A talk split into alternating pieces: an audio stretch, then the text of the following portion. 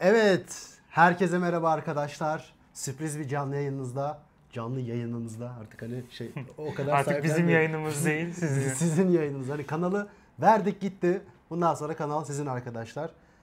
Nasılsınız, iyi misiniz? Bu hafta e, neler oluyor da görüşemedik. Ben es- uçaktaydım ama Vahit ve Zeren benim hiç yerimi e, aratmamışlar. Zeren çok güzel bir performans sergilemiş. Siz de çok beğenmişsiniz. Buradan yine Zeren'e selam olsun diyorum. Yaşar kıskandı Umut'u. O yüzden dedi ki bir tane de birlikte çekelim. Dedik ki neler oluyor çekemedik. O zaman neler olacak çekelim. Neler olacak? Arkadaşlar İsrail-Filistin biliyorsunuz gündemimizi adeta geldi, e, aldı, götürdü merkezine. Ne varsa ne yoksa götürdü merkezine kendisini koydu. İsrail-Filistin ile ilgili çok tartışıldı, çok konuşuldu, çok konuşulmaya devam ediliyor.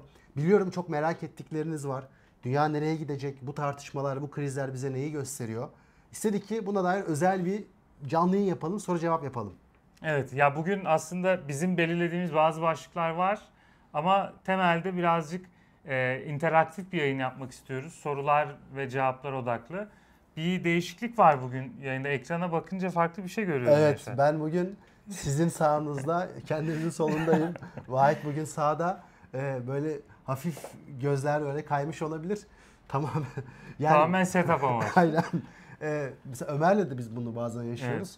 Ömer mesela yer değiştirdiğimizde seyirci kızıyor abi biz size öyle alıştık bundan sonra olmaz diye. Şimdi e, Ali Berat iyi yayınlar iyi akşamlar demiş. Hoş geldin. Recep Başkan solcu geri dönmüş demiş. Hiç gitmedi ki. Solcu burada hani şey vardı ya. Neydi o? Ee, bir bununla ilgili böyle bir kısa film vardı. Burada. Bak sen bana dönüp konuşunca buradan sesin Ha. az geliyor olabilir. Evet, evet. Hemen onu ayarlayalım arkadaşlar. Hep kızıyorsunuz sesiniz az, sesiniz az diye. Vallahi bak bir yerden sonra Ben şey düşünmeye düşün başladım. Sizin telefonlar e, sıkıntı olabilir mi arkadaşlar? Çünkü biz hani burada desibelleri görüyoruz. E, fena değil gibi desibeller. Zey iyi akşamlar demiş. Hoş geldin Zey. Ee, oo 110 lira. Abi ne yaptın ya pat diye 110 lira daha hiçbir şey anlatmadık.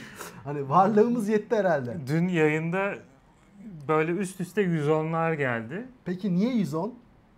Hani Şöyle düşündüm acaba dedim 110 lira başka bir yerde atıyorum eee, 10 Japon yeninin karşılığı mı 110 lira ama Japon yeni TL'den daha düşük olduğu için 500 Beş- Japon yeni diyelim. Tekabül ettiği şey 110 lira mı oldu? 5 euro falan mı? Yo 5 euro da değil. Ne yani? Değil. Bilmiyorum. Ee, Belki öyle 109.99 deyince ben de bir, Bir, bir şey var. Yani şey yapıyor. eee, abi daha yeni soru için bilmiyorum ama Camp David anlaşması hakkında ne düşünüyorsun? Atakan Gök bugün bilgiye aç gelmiş. Evet. Atakan hani net bir şekilde bugün onu konuşmak istiyor. Senin Atakan. videoda bu arada çok iyi bir videoydu. Ağzına sağlık. Teşekkür ederim. Ee, ama eline sağlık diyemeyeceğim deyip böyle kurguya gömüyorum. Abi kurgu Şaka yapıyorum. Yok ama hakikaten biraz gecikti. Ya bak inan e, bir çalışıyorum arkadaşlar. Çok yoğun. Bakamadım kurguya ya. Hatta böyle bir yerde bir şey var. E, o sekansı kesmemişim. Birisi de onu şey yapmış. Burayı kesmeyi unutmuşsunuz diye. Evet. Yani kurguda e, kurgunun arkasında duramam. Yani, Evet. Yani şey- Ama yok ben içerik beklediğimin Hmm. üstündeydi. Çünkü çekime de katılamadığım için e, Umut yönetmenliğini yaptı. E, Bayağı güzel bir iş olmuş. Yani geç olmuş ama dolu bir iş olmuş. O yüzden seyirci adına sana teşekkür Yok, ediyorum. ben teşekkür ederim. Şimdi Camp David evet yani sen orada bir tarih anlattın. O yok tabii. Ama o yok. e, Camp David ve sonrasındaki işte Washington anlaşması yani Camp David görüşmelerinden sonraki anlaşma aslında büyük bir dönüm noktası. Evet. E, bugün de hikayenin parçalarından birisi olan Mısır'la İsrail'in ilişkilerinin dönüm noktası ve aslında Mısır o anlaşma ile birlikte İsrail tanıyan ilk Arap devleti oluyor. Bunları konuşacağız. Ama Konuşacağız. Bugün neler konuşacağız? Bugün neler olacaktaki sorumuz şu. Dün biraz bahsettik. Kahire zirvesinden bahsettik. Kahire zirvesinde bazı çözüm e, Oo, şeyleri 110 lira daha aranmıştı. geldi. Eren masaya vurdu. Bu evet hakikaten hep 110 gelmesinin bir hikmeti olsa gerek. 2 dolara 110 lira nasıl ya? 2 İki dolar değil ya. Hayır 1.99. Recep Başkan ne yaptı? Recep Gelecekten, Başkan- gelecekten bize haber Evet. verdi herhalde. Şeye geri döneyim. Yani Kahire zirvesinde iki tane mesele konuşuldu. Dün de anlattık. Ee, çözüm burada bizim çözüm dediğimiz illaki nihai çözüm olabilecek iki devletli e, senaryoya nasıl gideceğimiz meselesi değil. aynı zamanda çok hayati ve çok e, acil sorunların nasıl çözüleceği meselesi var. Kahire'de bunlar konuşuldu. Birincisi işte insani yardımın gidişiydi. İkincisi e, ateşkes meselesiydi. Bir üçüncüsü oradaki sivillerin tahliyesi meselesiydi ki sivillerin hepsi de tahliye olmak istemedikleri için o da zaten tartışmalı bir şeydi. Bugün o yüzden bu senaryoları konuşacağız. Ama bu senaryoları konuşmadan önce de Oo 5 pound geldi. Bugün bugün çıldırıyoruz ya. Çıldırıyoruz Evet. yani. Sözümü bitirmeden aynen. atmayın diye öyle şey yapıyormuş. Atın arkadaşlar. Yani ne zaman attığınız önemli değil. Ee, sözümü böyle kessinler. Aynen. Kesecekler. Sözü balla kesmek dediğimiz deyim bir de sözü parayla kesmek. Böyle bir şey yaptı. Ee, şöyle diyeyim. Uluslararası kamuoyunun pozisyonu ne? Oo 10 dolar geldi. Ben anlatmıyorum ya. Çıldırdı. Anlatmıyorum ya. Selçuk Karaoğlan adamın sözünü bitirmesine imkan vermediniz ya. Vallahi ama helal olsun. Yani arkadaşlar her pazar böyleyse ben bundan sonra her pazar yayın açıyorum yani böyle. Senin bir pazar sohbetleri var. Vardı abi işte ben Ankara'ya git gel yaptığım için şu an çekemiyorum. Belki bu gece bir tane yapacağım da bakalım. Evet. Ee, Kendi kanalımda pazar sohbetleri yapıyorum. Lafı balla kesmek gitti. Lafı parayla kesmek geldi. Bir 5 pound daha geldi. Çıldırdı. Yani seyirci çıldırdı. Bugün bize e, konuyu konuşmak yok. Yani siz sadece reaksiyon videosuna döndü Ben bu. yiyeceğimiz linci düşünüyorum. Evet. Yani orada insanlar ölürken, çocuklar öldürülürken burada hakikaten. güle güle para konuşuyorsunuz Ya, denecek. Haklısınız Ama arkadaşlar da. ama 20 dolar mı? Yok artık. Yani ben ben gidip ben bırakacağım yani gidip yani arkadaşlar ben buradan Çıldırdı. şöyle bir sonuç çıkardım. Çıldırdı. Seyirci Yaşar'ı özlemiş. çıldırdık yani. Hani beni özlediyseniz ben hani her gün çıkarım. Evet. Ee, kaç dolu ben şey yapıyorum. Selamun aleyküm demiş Berkay aleyküm selam. Ee, ya konuyu konuşacağız da şey size bu mu- muazzam tepkiniz ve desteğiniz karşısında bir şey diyemedim de ama Sen ben klarneti ne zaman getiriyorsun? Abi, haf- Şöyle bir birkaç ay sonra bak bugün Bugün- açık konuşuyorum. çünkü Bugün- şu an hani hala yasta bir moddayız yani. Öyle mi Hani- diyorsun? Hani ben 5000 lira çıkarırlarsa burada çalarım diyecekler. Yok ben İstemem ben diyorsun. tepki gösteririm Ha, açıkçası. tamam. Yani Sen bunu sen hayır diyorsan bir sonraki yayın için diyelim. vetoyu benden yedin ama bunları biriktirebiliriz Yok biriktirmeyelim ayrı ayrı. şey olarak hani her yani şu an bir göbek borcun olur atıyorum bir Ha. klarnet borcun olur. Klarnet diyelim ya. Ama hani bu tip eğlenceleri ben hani şu an hakikaten e, oradaki çatışmanın gidişatında bazı değişiklikler umuyorum. Biraz rahatladı gibi. Yani şey o ilk günkü tansiyon yüksek değil çünkü Amerika bir şey oldu. Evet. Bugün Biden tweet attı. İşte o, o, o, o Şey- şeye tekrar dönelim. Ben konuşmaya başlayınca yine parayla kesilecek seyirci, sözler. Seyirci kızmaya başladı. Evet. Leyla demiş ki konuya girin artık. Şimdi bizim iki tane seyirci tipimiz var. Evet. Biri böyle hani bilgiye aç. Hani böyle damardan şey istiyor. Böyle damardan analiz böyle basacağız analizi. Bir de Evet. biraz daha hani e, eğlenmeye de yakınsayan, e, bize sohbet etmek seyirci de oluyor. Onlar böyle bazen kendi arasında çatışıyorlar. Evet. yani Asıl yani kendi aralarında değil sürekli bizle çatışıyorlar. aynen bize kızıyorlar sonra. Tekrar bence şöyle bir şey yapalım. Artık seyirci sayımız da 134'e çıktı. Ee, Hakan teşekkürler. Yani ben Fakirlik yok. bira içmiyorum ama hani e, Recep'in de Hakan'ın da Teşekkür ederiz. düşünceleri düşünmeniz yeter diyeyim. Ee, teşekkürler Hakan hiç para fark etmiyor destek olduğunu sürece ama izin verirseniz yani destek vermeye destek yapmaya devam edebilirsiniz ama e, bir konuya devam edelim artık. Evet. Ee, yani girelim diyelim. Şimdi bence ben hızlıca gireyim sen Gir, gir. devam et. Ben girerken çünkü çok Aynen. para geliyor. Aynen. Şimdi arkadaşlar bugün neyi konuşacağız? İsrail-Filistin ile ilgili biliyorum çok konjektürel meseleler var. Bunları konuşacağız. Ne oldu, ne olmaya doğru gidiyor. Kahire zirvesi. Ardından uluslararası güçler, Batı buna nasıl tepki verdi, Amerika nasıl bir pozisyon aldı, İran nasıl bir pozisyon aldı, Türkiye nasıl bir pozisyon alıyor, Mısır, Lübnan neler söylüyor, Çin 6 tane savaş gemisini Doğu Akdeniz'e doğru yavaştan göndermeye başladı. Rusya'yı konuşacağız. Birleşmiş Milletler'in içindeki vetoları konuşacağız. Ardından bence çok önemli medyanın tutumunu. Yani ben e, bu konuda dair fikirlerimi defaatle Twitter'da falan dile getirdim. Özellikle ana akım bat- Batı medyasının bence ilk günlerde şimdi biraz daha tepkiyle falan kendilerini düzeltmeye çalışıyorlar ama ilk günlerde çok rezil rüsva bir e, coverage dedikleri nasıl diyeyim tutum ve bunu çerçevelendirmesiyle karşı karşıya kaldık. Batı'nın ve Batı medyasının bu konuyu nasıl ele aldığını konuşacağız. Bence yine benim önemsediğim burada bir Doğu Batı çatışması veya bir kimlik çatışması mı var? Yani ben biraz şeyi de görüyorum. Hı hı. Mesela bugün bir e, arkadaşla buluştuk diyelim. Kendisi Avrupa'da çalışıyor.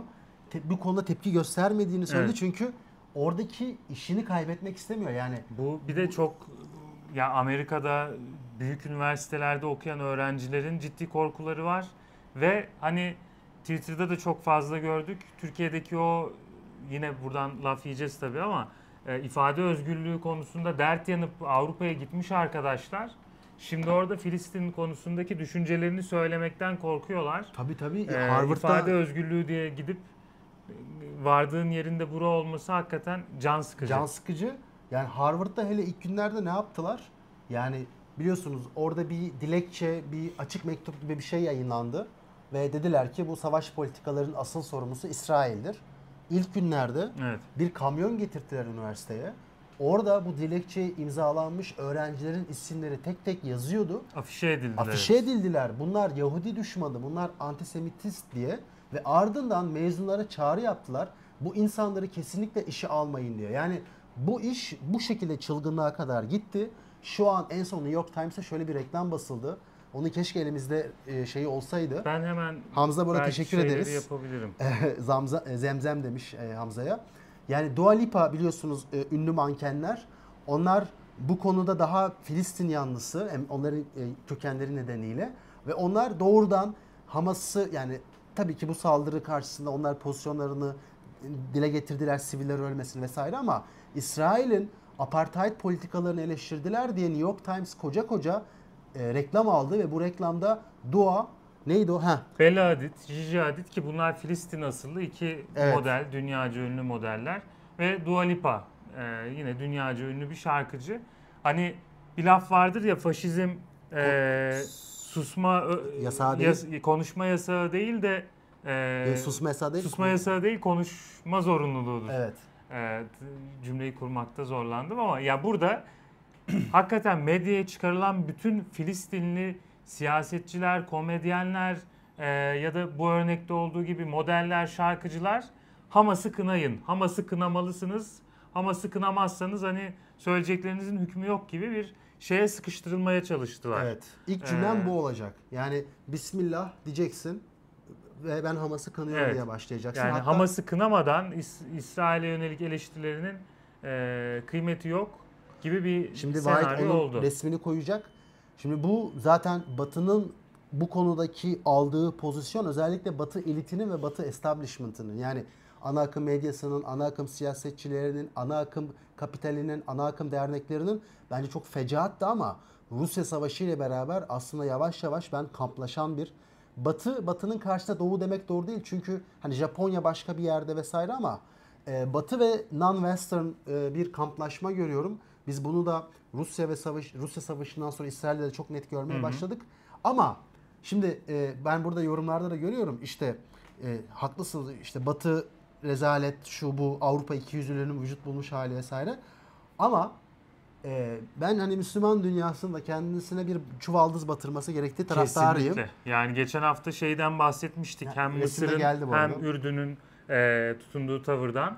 Şimdi ortada ikircikli bir durum var. Ürdün bir yandan diyor ki forced di- displacement yani ne denir buna?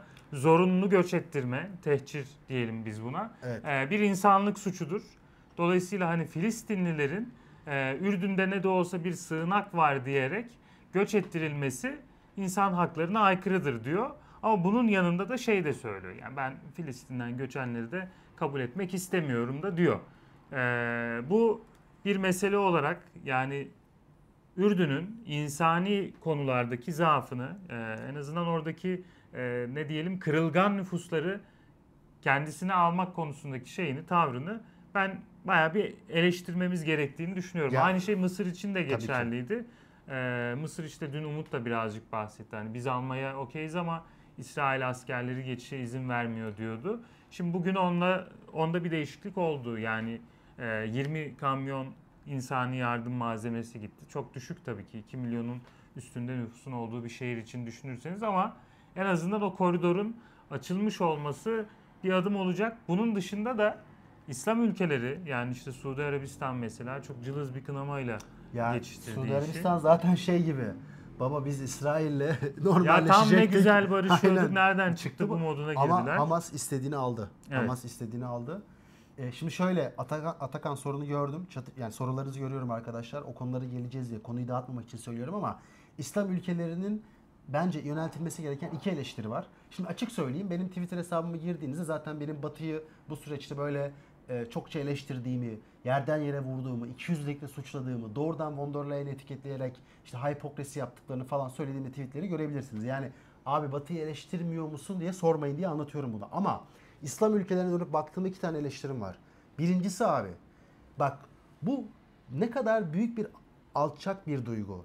Beklediğin şey batıdan geliyor. Yani Evet. sen bir İslam ülkesi olarak ortaya güçlü bir tepki koyamıyorsun. Kendinden böyle bir beklenti yok. Kendinden böyle bir demokrasi talebin, bir ne diyelim bir e, başka bir ülkeyi yaptırım uygulayabilecek veya onun şiddet politikalarından vazgeçtir, vazgeçirecek gücün yok.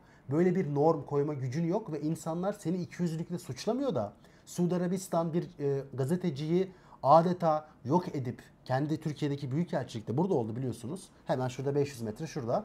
E, büyük elçiliği içerisinde bir gazeteciyi yağma parça pinçik etmesi karşısında insanlar senden bir ikiyüzlülük beklemiyor da Avrupa insan haklarına uymadığında senden bir ikiyüzlülük bekliyor. Niye kardeşim? Çünkü hiçbir İslam ülkesinden böyle bir beklenti yok. İslam ülkesi yolsuzluk yani kabaca tabirlerim ve bunu kabul etmeyebilirsiniz ama kabaca konuşuyorum. İslam ülkesi deyince insanların aklına ne geliyor? İnsanların aklına insan haklarına karşı olmak geliyor. İslam ülkesi deyince insanların aklına e, yolsuzluk geliyor. İnsan İslam ülkesi deyince insanların aklına fakirlik, sefalet veya bu tarz durumlarda ciddi politika koyamamak geliyor. Şimdi bu özel eleştiriyi de vermek lazım. Birincisi, e, bu arada görüntü gitti ama merak etmeyin arada oluyor böyle. Şimdi kamera arkasında kimse olmadığı için Vahit şey yaptı.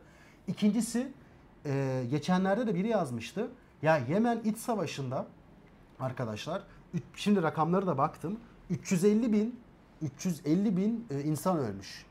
7-8 senedir devam eden bir iç savaş. Ve aslında bir proxy savaşa Tabii, dönmüş İran'la. Suudi Yani Arabistan'ın aslında orada iç iç savaş savaşı. dediğimizin adını koyalım. Suudi Arabistan bir tarafı e, silahla donatıyor diğerlerini öldürsün diye ki öldürülenlerin içinde sivil yoğunluğu yani haddinden fazla. Evet ve bu savaş karşısında Müslümanlar, İslam dünyası ortak bir tavır ortaya koyamadı. Hatta Yemen iç savaşı yokmuş gibi davranıyoruz birincisi. Evet. Yani burada 350 bin insan öldü. Yemen'de sefalet sürüyor. İnsanlar gerçekten çocuk işte çocuklar kaçırılıyor, organ mafyası gibi çok iğrenç hikayeler var. Buna rağmen bu savaş gündemimizde değil birincisi. İkincisi e, İsrail ve Filistin meselesinde de Mısır ve Lübnan'ın uzun süre Filistin'i yalnız bıraktığını, Filistin'in bu yüzden 1970'lerden sonra kendi e, kuyruğumuzu kendimiz kesmeliyiz dediğini de biliyoruz. Ve bir noktada Filistin meselesini kendi sırtlarına e, yük olarak gördüklerini biliyoruz. Yani İslam dünyası da özetle biz niye muhatap alınmıyoruz ve neden kendi sorunlarımızı gündem etmiyoruz diye oturup bir düşünmeli abi. Batı'yı eleştirmek kolay. Evet. Bak Batı'yı sabahtan akşama kadar eleştirelim.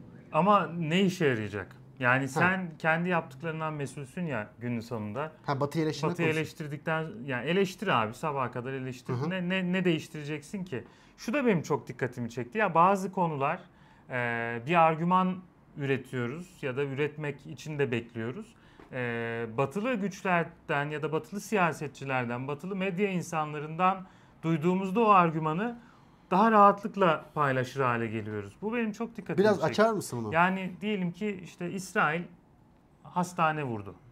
İsrail'in hastane vurduğunu söylerken e, insanlar sanki taraflı bir şey söylüyormuşlar. İsrail'i insanlık insanlığa karşı suç işlemekle e, suçladıkları zaman ulan çok mu anti İsrail duruyorum? Hmm. Acaba tarafsız değil miyim gibi bir Ha bu Batı'da endişe- gördüğüm şey. Yok Türkiye'de gördüğüm bir şey Allah ya. Allah. Ya insanlar e, bir söylem batılı siyasetçiler tarafından paylaşılınca o söyleme daha hakkaniyetli, daha doğruymuş. Tamam artık gönül rahatlığıyla e, bunun üzerinden konuşabiliriz der gibi bir hale geliyorlar. Yani sadece e, İsrail'in hastaneyi vurduğu görüntüleri El Cezire'de görmek, Hamas'ın açıklamalarını görmek yetmiyor. Ya da oradaki gazetecilerin konuşmalarını görmek yetmiyor da o zaman hani şey diyorlar acaba kim vurdu bilemeyiz falan. Belki İsrail haklıdır dedikleri gibi Hamas'ın roketi yanlışlıkla hastaneyi vurmuştur falan. bir batılı gazeteci ya da bir batılı siyasi figür çıkıp bunu kınadığında ha tamam daha rahat bir şekilde kınayabiliriz moduna giriyoruz. Bak Ender Yurt şunu demiş. İsrail 9 milyon 9,5 milyonluk ülke 2 milyon Müslüman Arap vatandaşa sahip. Hangi Müslüman ülkede %20 oranında gayrimüslim nüfus yaşayabiliyor? Bu ne alaka ben anlamadım.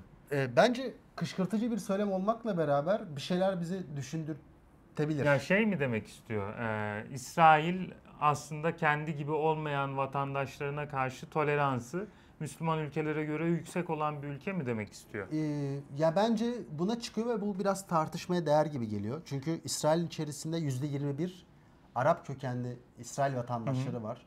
Özellikle Yani bunu e, ortalama bir ortalama demek doğru mu bilmiyorum da Netanyahu kafasındaki bir İsrailliye sorsan evet ya maalesef öldüremedik %20'yi diyeceklerine ben Ya- eminim. Ya onlar öyle der ama şimdi İsrail homojen değil. Evet. Yani şimdi İsrail içerisinde özellikle Tel Aviv kökenli çok ciddi liberaller var.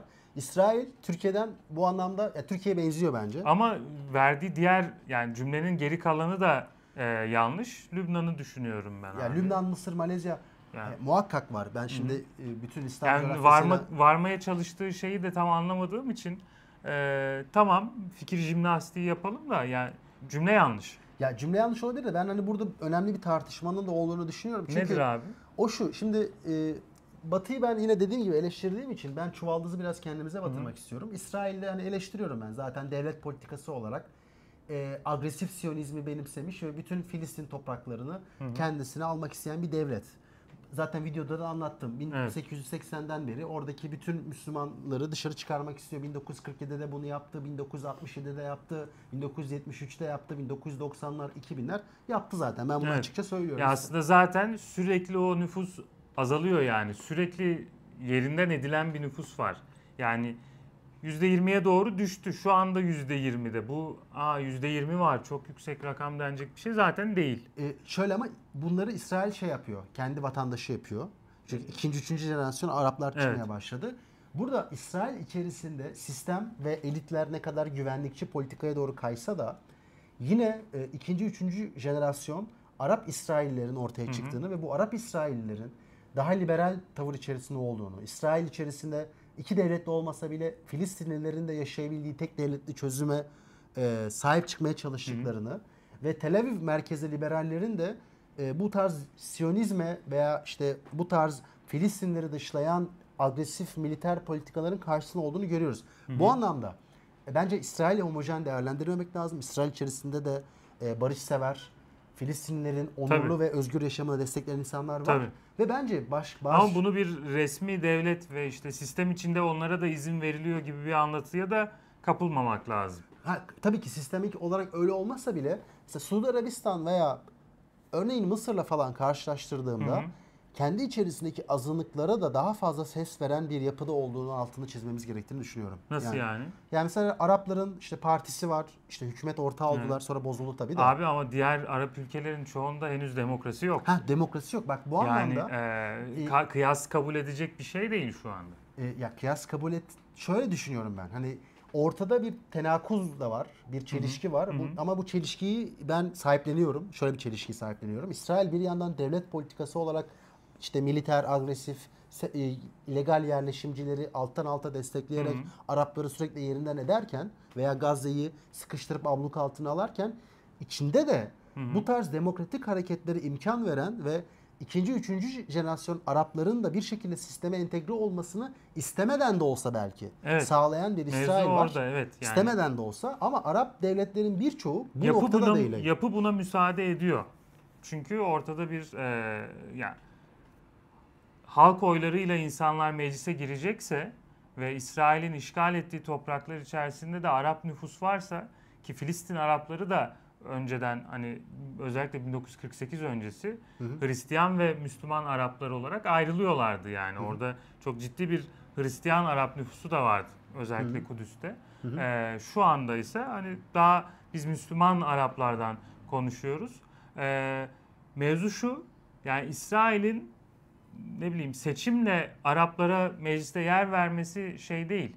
Şimdi Türkiye'nin yumuşak karnı nedir sence? Kürtler. Kürtlerdir. Türkiye meclisinde yani Türkiye'de şu an hani ta 100 yıl öncesinden başlayan bir e, gayrimüslimlerin gerek mübadeleyle gerek savaş zamanında toprak kaybettiğimiz için gerek e, yerlerinden edildikleri için gerek göçmeyi tercih ettikleri için gayrimüslim nüfusu ciddi anlamda düştü. Tabii. Ee, buna rağmen mecliste gayrimüslim vekiller de vardı. İktidar partisinin bile e, Ermeni vekilleri vardı vesaire. Ama Türkiye'nin zayıf karnı olan Kürt meselesinde bile mecliste ciddi bir Kürt nüfusunun olması e, Türkiye'nin ne bileyim Kürt ayrılıkçılara karşı e, müsa ne denir ona müsamahalı olduğunu gösterir mi? Göstermez. Yani resmi devlet söylemini hepimiz biliyoruz. Şimdi burada da e, demokrasinin yapısal özelliklerinin İsrail'de, İsrail e, şeyinde Ksenet miydi? Meclisinde. Hı, senet, e, 120 kişilik. o mecliste Arap vekillere yer açılabiliyor olması şey demek değil. Yani İsrail devleti Ben anlat ben Arap entegrasyonundan yana, Müslüman entegrasyonundan yana demek değil. Ama Yaşar'ın dediği nokta çok önemli. İsrail homojen bir toplum değil.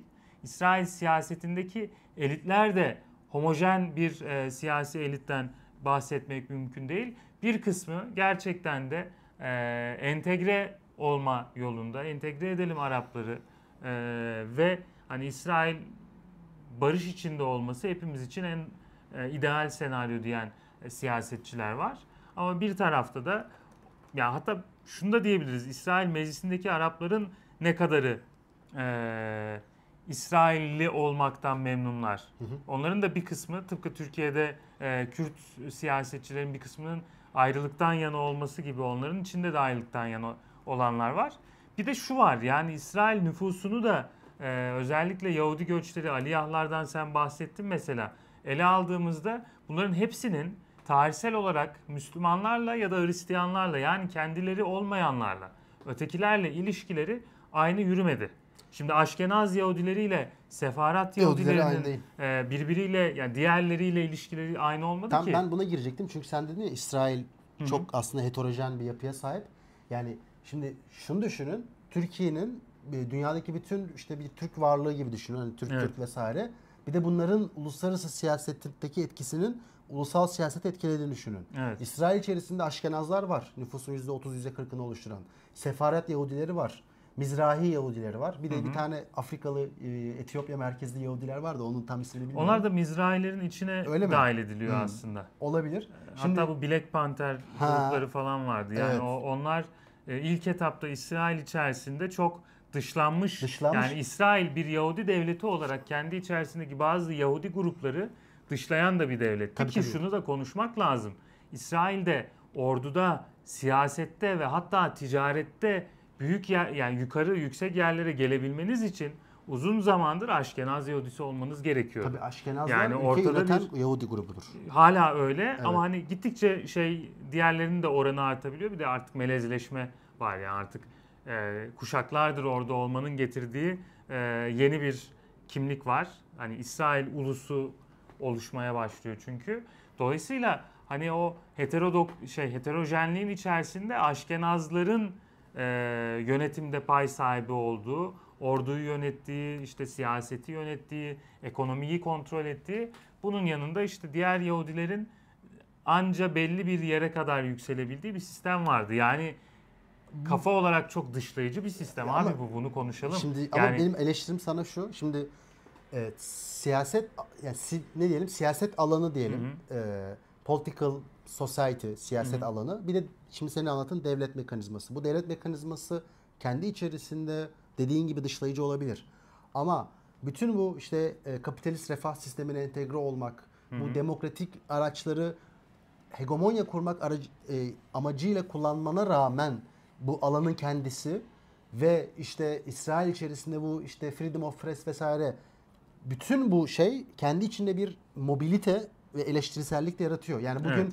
Benim yaptığım işte ya batı batı eleştiriyoruz ama günün sonunda eleştiriselliği ve işte insan haklarına yanında olmayı da batıdan bek- neden bekliyoruz sorusunun cevabı da burada. Çünkü hala bunu üzü- yani bunu bir noktada e, üzülerek de söylüyorum.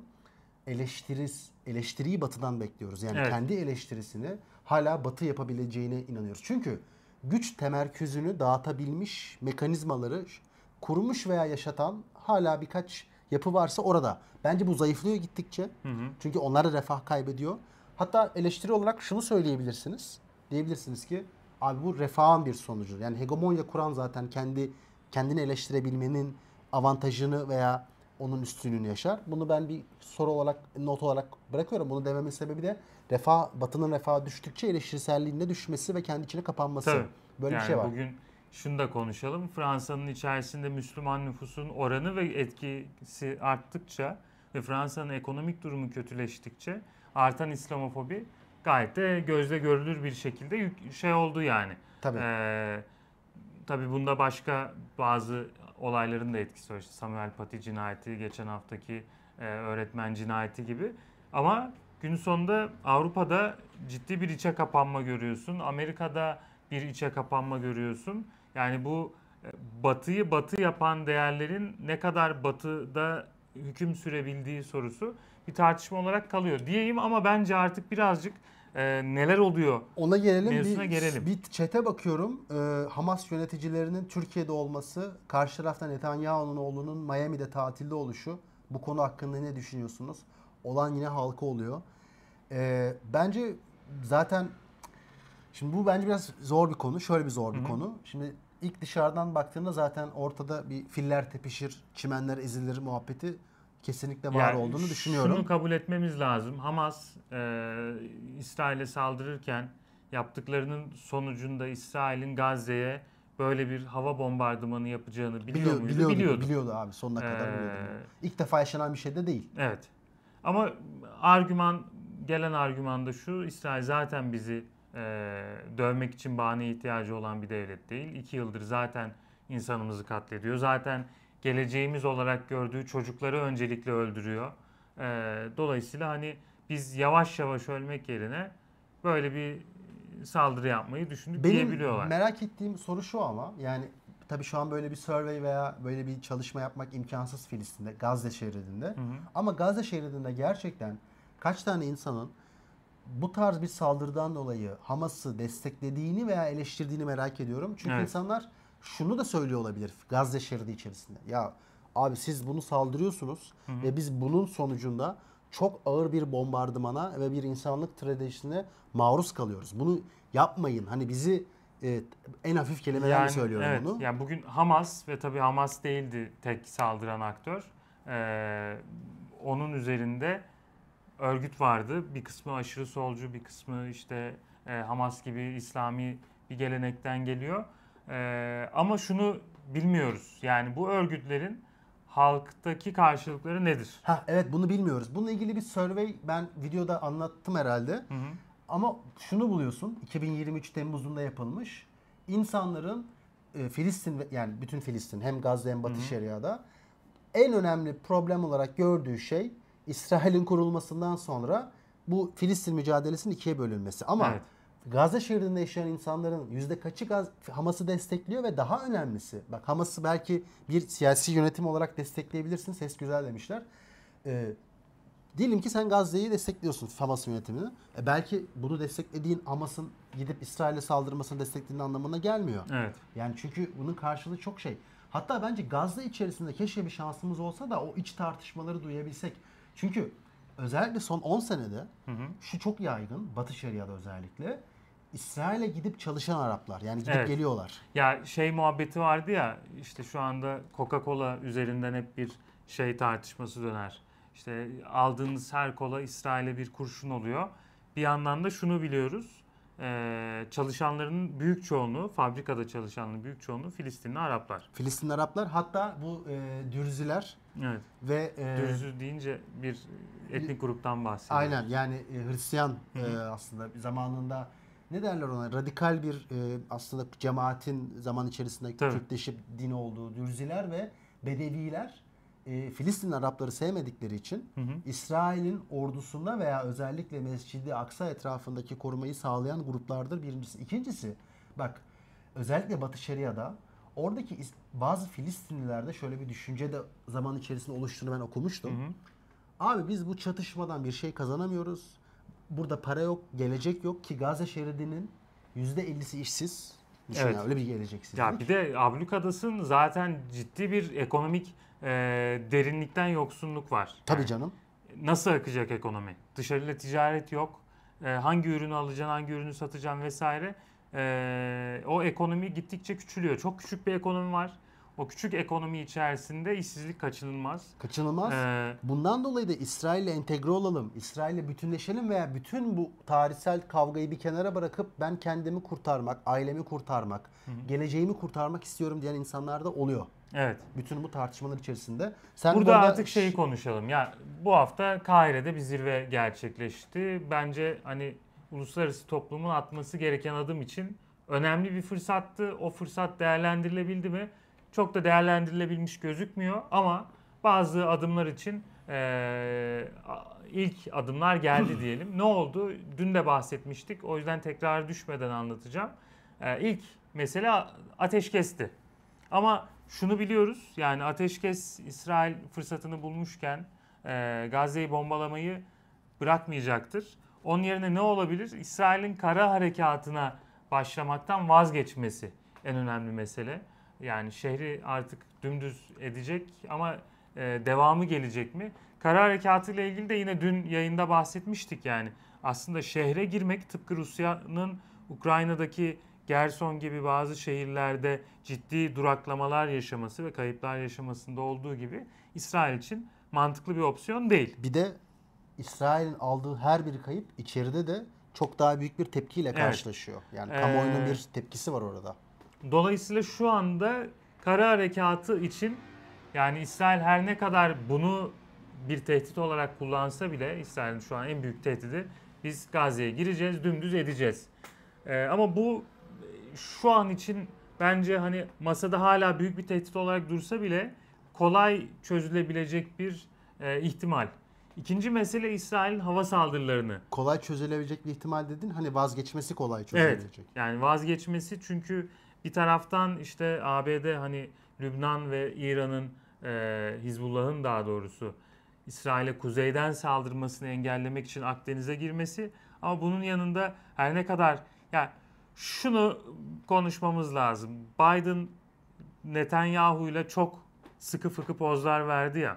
Alttan ama şey kulağını çekiyor mu diyorsun? Ben öyle bir okuma yaptım. Ee, siyaseti de ben birazcık böyle okurum. Yani eğer e, bir kişi böyle çok bir şeyi gösteriyorsa, göstere göstere yapıyorsa e, onun arkasında şey vardır. Onun bir, bir başka şeyi dengelemek için yapıyordur onu. Ya Yani- hep derler ki yani siyaset sahnesinde müttefikini ön planda değil de arka planda Evet. ku- kulağını sıkarsın. Biraz Biden'ın geri vites aldığını şuradan hissediyoruz. İlk gün attığı tweetlerde tamamen şu vurgu vardı. İsrail'in kendisini savunma hakkı vardır. Evet. Terörizme geçit vermeyeceğiz. Bugün bir tweet attı mesela. İlk paragraf bu. İkinci paragraf ama işte İsrail'in savaş kurallarına uyması için elimizden geleni yapacağız. Üçüncü paragrafta tabii ki Filistinlilerin de orada yaşama hakkı var vesaire. Hani bu şey Evet. demek biraz yani biz de o kadar radikal değiliz artık demek. Evet evet. Yani burada bunu tabii ki Biden'ı aklamak için söylemiyorum. Şu anda ABD'nin finanse ettiği, İsrail'in sivilleri öldürdüğü bir katliam var. Ee, bu hani tartışma kabul edecek bir Biden şey değil. Biden diyorsun. Ta- çok tatsız bir espriydi bu ya.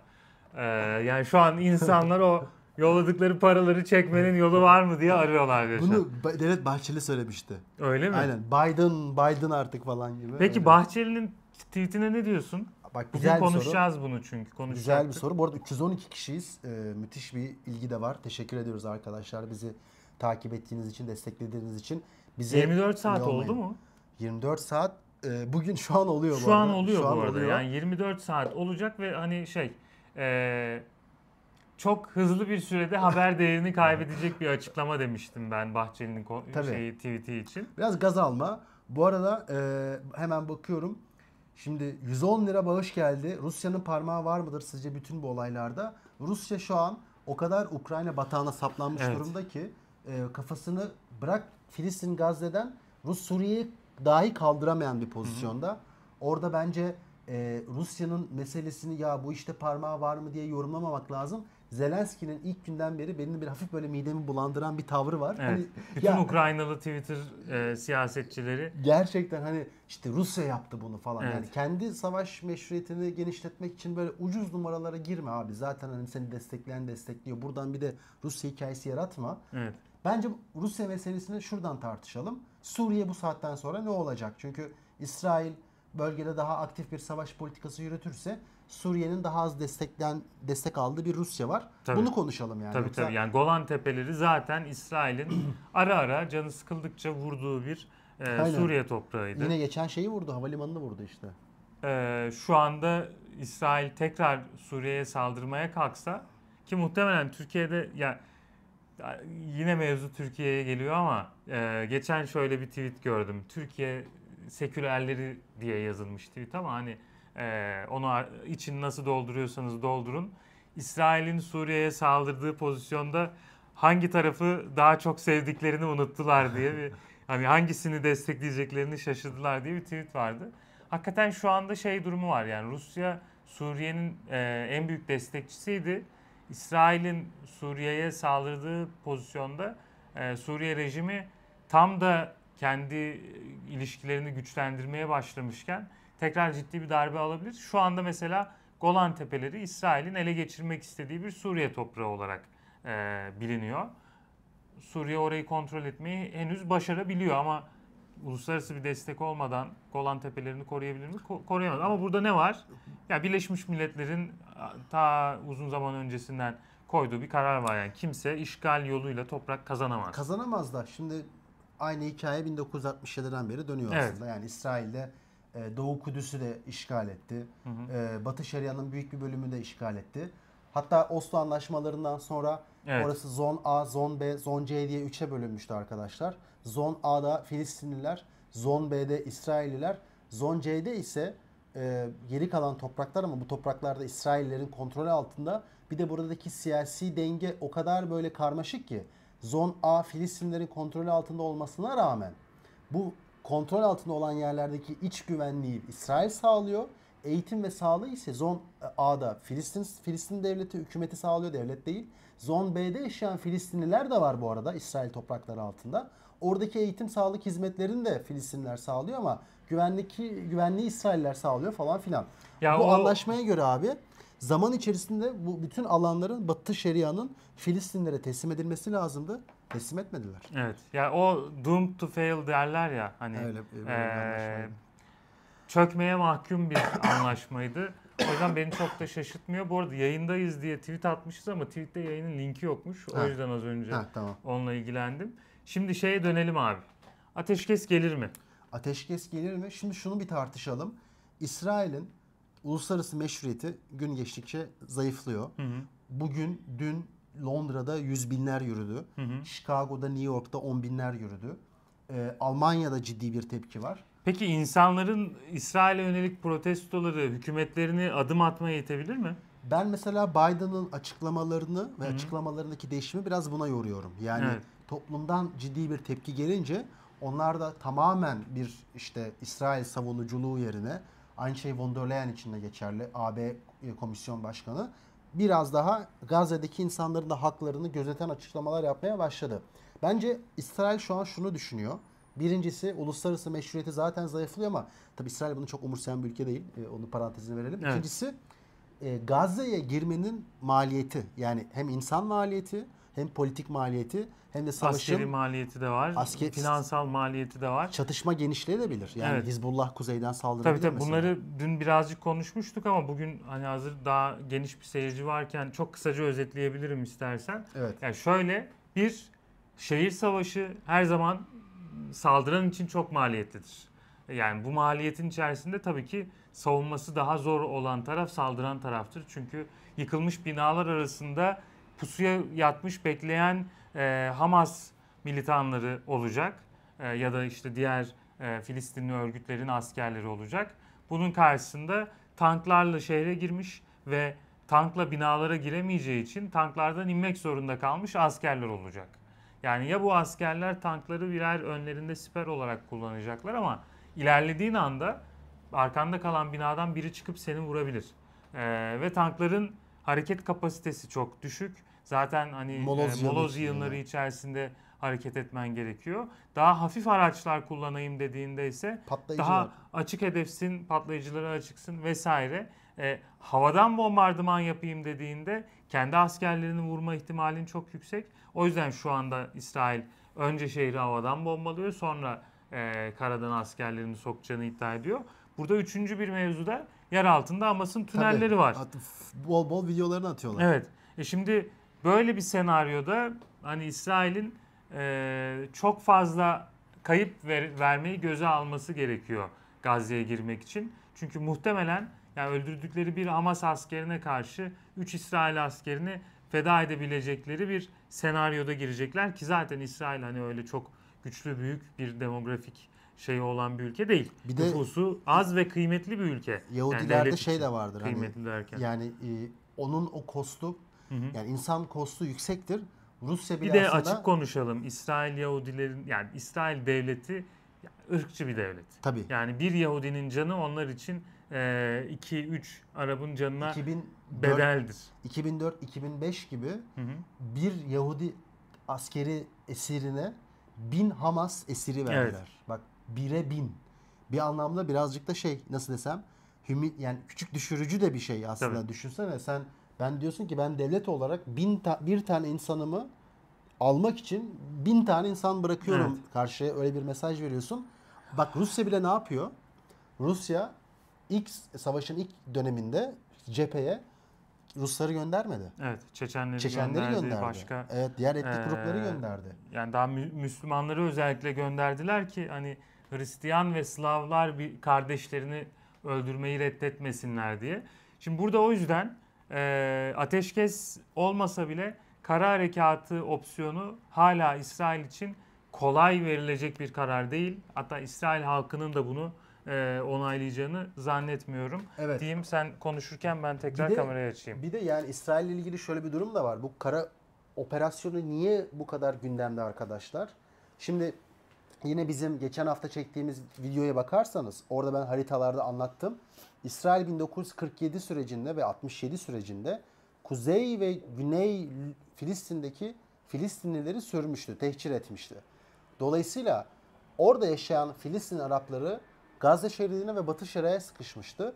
Sen Gazze şeridine kara operasyonu yapınca ne olacak? Hı hı. O bölgede de tarihi var olan Filistin Arapları oradan gitmiş olacak. Evet. Ve sadece Filistin Arapları Batı Şeria'ya sıkışmış olacak. Ve 20-30 sene içerisinde belki orada da Orayı Filistin- da orayı da e, zamanla ele geçireceksin. Evet. Ama şimdi şeye gelelim. Yani bir yandan da İsrail'in hava saldırılarını durdurması mümkün mü? Yani senaryonun ilki kara harekatı yapılır mıydı? Şu an için hani bunu zor bir İsrail için zor bir karar olarak tanımladık ama olur mu olur Netanyahu bir çılgınlık yapabilir. Ya delirmiş olabilirler. Ee, ama hava saldırılarının bitmesi biraz e, zor ama acil olan mesele. Çünkü ha, bu arada kara saldırısının bir diğer şeyi de şu. Sivil ve normal şartlarda sivil ve askeri ayırt edebilmeniz lazım. Askeri öldürüp sivili öldürmemeniz lazım. Şey suçlaması çok geliyordu. Hamas işte sivilleri e, bir kalkan olarak kullanıyor. Human shield derler ya. evet. Ee, ama artık İsrail'in gözünde e, sivil ve Hamas militanı ayrımı kalmadı. Yani Kuzey orada Gazze'deki herkes zaten Evet. açık hedef. onlar için açık hedef. Hava saldırılarının bitmesi içinse bence insani yardım koridoru önemli bir adım. Çünkü insani yardım koridorunun olması demek uluslararası e, örgütlerin, yardım kuruluşlarının e, bölgeye girebilmesi demek. Özellikle Birleşmiş Milletler e, kontrolünde yardımların olduğu ya da işte diğer e, bağımsız kuruluşların kontrolünde yardımların olduğu bir senaryoda İsrail'in en azından yardımın gittiği noktaları vurmamak gibi bir derdi olacak. Ee, bundan tabii ki işte Reuters muhabirinin ölmesi 13 gazeteciydi birkaç gün önce ama sayıları arttı mı bilmiyorum. Bugün Mısır'ı vurmaları ki yanlışlıkla vurduk diye bir Tırnak açıklama içinde yani. yaptılar. Ee, bu gibi senaryolar varken İsrail e, bir BM'nin atıyorum gönderdiği bir yardım kamyonunu vurmaktan çekinir mi? Abi açık konuşalım çekinir. Yani Çek- çekinir ama çünkü- şu olabilir. Güney yani refah kapısındaki şeyleri vurmaz. Hı hı. Zaten hani orayı güvenli bölge olarak ilan ettiğini ve bütün Filistinlilerin Evet. oraya gitmesi istediğini söyledi ama kuzeydeki herhangi bir şeyi tehdit olarak görüp e, hani vurmayacağının bir garantisinden emin değilim. Evet. Şimdi burada da mevzu şu. Yani Filistin halkı e, kendi oturduğu yeri terk etmek terk etmeme konusunda ısrarlarına devam ediyorlar. Tarihsel burada- de bir haktır abi şimdi. Ya bu. evet ya tarihsel hani bir ulus olarak hakkı bir kenara bırakıyorum. Senin evin abi ya evini Evet. bırakmak istemiyorsun yani. Ee, hani çok gayet insani bir mesele ve hak yani en temelde. Burada şey Burada diyorsun? şu olabilir. Mısır'ın Ya- şey argümanına ne diyorsun? Biz refah kapısını açmıyoruz çünkü Filistinlilerin orada kalmasını istiyoruz. İşte Mısır bunun zıttı bir cümle kurdu geçenlerde. Ee, yani dediler ki ya biz alabilirdik işte atıyorum yaşlıları, kadınları, çocukları ama İsrailli askerler o kapıyı açmamıza izin vermiyor. İsrail izin vermiyor gibi bir şey söyledi. Ama bir yandan da yani yine Ürdün'le birlikte Kahire zirvesinde Mısır dediğine benzer bir argüman kullandı. Şunu dediler. Ee, forced displacement yani zorla yerinden etme bir insanlık suçudur. Ee, biz bu suça ortak olmak istemiyoruz gibisinden. Ama açık konuşalım. Ee, burada istemedikleri şey şu. Filistinli göçmenlerin kendi ülkelerine girdiği senaryoda e, hem kendi vatandaşlarının yani Arap nüfusun, Mısır'daki Arapların, Ürdün'deki Arapların e, hem de Filistin diasporasının devleti yani hükümeti adım atmaya zorlayacak eylemler yapmasından endişe ediyorlar. Evet. Ki Mısır bunu yaşadı. Yani 2013'te yaşadı mesela. Yani Gazze sınırının açılması için ciddi bir e, protesto eylemleri yapılmıştı. Hani o refah sınır kapısı çünkü çok uzun yıllardır kapalı. Kapalı. Ve hani o Gazze ablukasının sona erdirilmesi için Mısır'da eylemler yapılmıştı. Bizim millette şöyle bir düşünce var. Bütün Araplar homojendir ve işte Filistin Arabı ile Mısır Arabı çok iyi anlaşır. Hmm. Lübnanlı ile Filistinli çok iyi anlaşır diye. Böyle bir düşünceniz varsa arkadaşlar bunu biraz güncellemenizi önerebilirim. Çünkü Araplar da kendi arasında hani ciddi ayrımlara sahip. Ortak bir Arapça bile yok Evet. zaten. Hani bütün Arap gelenekleri Ya bak bunu Kore üzerinden anlattığında insanlar anlıyor ama Arap üzerinden anlattığında bizim hani ta- adını koyalım bizde bir ırkçılık var yani o konuda da. Araplara Ee, karşı var. Araplara karşı. Arap Bu diye- Arapların da kendi içinde birbirlerine karşı Tabii. ırk- ırkçılıkları var. Filistin Araplarını biraz şey görürler. Hor görürler yani. Hor görmelerinin sebebi şey değildir ama. Yani siz bizden daha aşağıdasınız anlamında değil. Orada bir ulusçu e, Evet. bir damar vardır. Ee, sizin yeriniz burası değil. Hani tıpkı bizde şimdi Suriyelilere denen niye ülkenizi korumak için savaşmadınız şeyi ki o bir iç savaş Suriye'deki e, Filistinlilere şey denir. İsraillilere karşı niye o toprakları bıraktınız orada kalıp savaşmanız gerekiyordu argümanı. Burada Ve Mısırlı da- Araplar kendisini biraz daha şey görmez mi ya? Mısırlı ve Suud Arapları hani daha böyle entelektüel, zengin, daha Arap Arap gibi. Ee, Arap Arap gibi. hani hani şey yani Arap ya şöyle oldu. Yani Mısır gibi. mesela işte e, Feyruz'la şey yapmak Lübnan'da nasıl e, övünmek Lübnan'da nasıl bir huysa Mısır'da işte Hafız'la övünür Abdülhalim Hafız'la ya da işte Mısır e, özellikle Cemal Abdülnasır şeyinden başlayan Arapların en ileri ulusu. Daha Evet, çünkü Kavalalı'dan başlayan bir modernleşme hikayesi var. Böyle bir Araplar arasında rekabet var ki biz bu rekabeti ilk yani en güçlü şekilde nerede görmüştük? 1947 sonrası. Tabii. Yani o Arapların zaten işte Ürdün'de Şerif Hüseyin'in e, soyundan gelen e, o zaman da yine Abdullah olması lazım Ürdün kralı. Yoksa Faysal mıydı emin olamadım. E, Abdullah. Ürdün kralı Faysal tabi Suud'daki Faysal'dan farklı. E, Şerif Hüseyin'in oğlu Faysal diye hatırlıyorum. İkisinden biri ya Abdullah ya Faysal. iki kardeş bunlar çünkü. Onlar mesela Kudüs'ü e, ele geçirmek yani Kudüs'ün hamisi olmak istiyordular. E, Mısır'ın ve Irak'ın, Suriye'nin, Lübnan'ın yani oradaki birçok Arap ülkenin e, Filistin devletini bağımsız bir devlet olarak görmek yerine Kudüs'ü elinde tutan ülke olmak gibi bir derdi vardı. Zaten bu dert yüzünden Araplar birbirleriyle e, şey yapmadılar da Birleşmediler, birleşmediler de ayrı ayrı ayrı ayrı saldırdılar. Ayrı ayrı saldırmaları bir de koordinatsız olunca Tabii. 1948'de o e, büyük bir fiyasko ve peşinden gelen o Nakba. nekbe, nekbe hadisesiyle Sen nekbe diyorsun ben nakba diyorum. ya olabilir Evet. yani hani Ya şimdi mesela bu 1947'de şöyle bir durum da var. İsrailliler, Yahudiler o dönem oldukça deneyimli. İkinci Dünya Savaşı'nda da beraber e, İngilizlerle beraber Almanlara karşı çatıştıkları için. Bundan dolayı bir tecrübeleri de var. kim dedin? İsrailliler, Yahudiler. Yani İkinci Dünya Savaşı'nın gel getirmiş olduğu bir tecrübe var. Bir de yani daha zenginler ve açık konuşalım ellerinde bir teknolojik üstünlük var. Hani o yüzden 1947-49 arasında ve ondan sonra 67'de Hı hı. zaten savaşı kazanmaları çok çok büyük bir e, sürpriz değil. İşte demin yorumlarda gördüm. Yorumlarda şöyle bir şey vardı işte e, İsrailler devlet kurarken Araplar kendi arasında oturmuş tembellikten devlet kuramıyorlar. Şimdi milletten minnet eğiliyorlar. Hani ben bu tarz böyle sosyal darwinist yorumları biraz e, yanlış buluyorum. Çünkü Evet. bir kere tarihin akışı zaten bu şekilde e, tembeller ve işte çalışkanlar gibi akmıyor da 1930'larda şimdi ben videoda e, anlatamadım. Bir de ama- Araplar devlet kuramıyor dediğiniz tarihte Arapların Lan, kaç e, tane devleti var ya. Yani var zaten. Mısır'da var.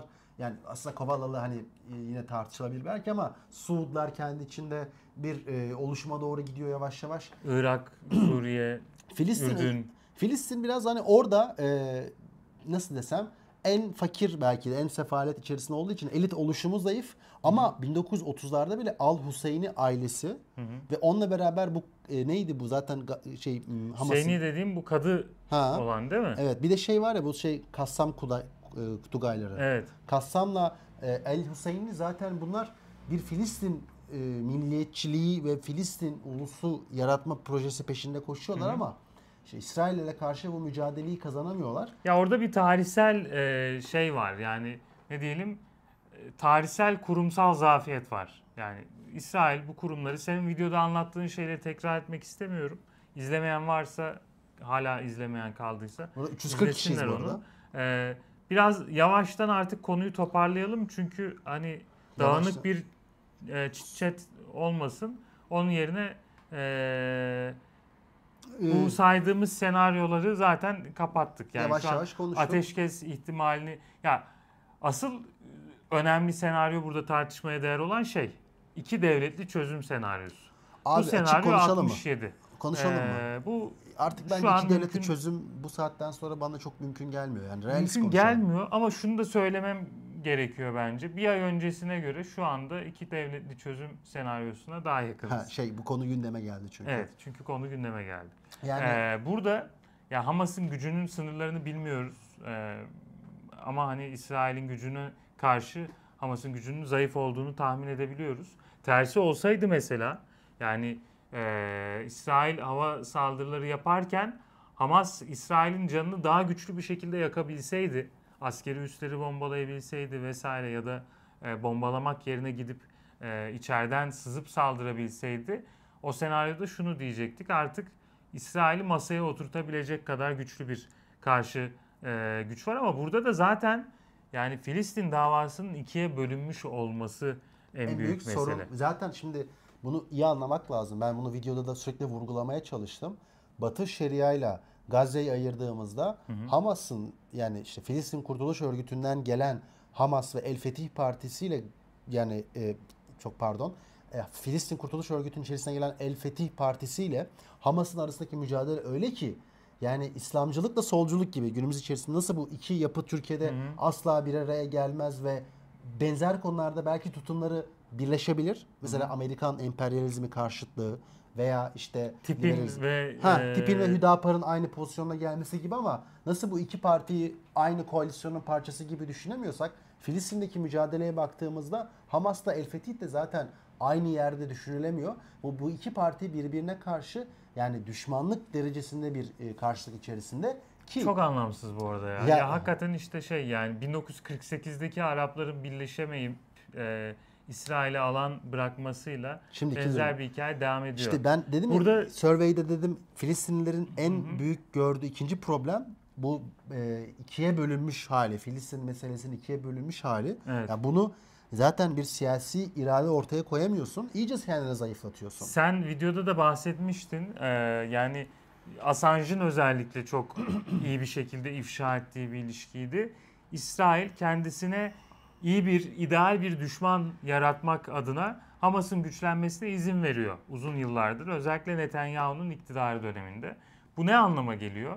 Ee, şu anda Filistinlileri hem e, bir Filistin otoritesiyle yani Batı Şeria'daki Filistin otoritesiyle ki işte Mahmut Abbas'ın devlet başkanı olduğu bir Filistin projesiyle e, Gazze'deki Filistinleri ayırmış oluyorsun.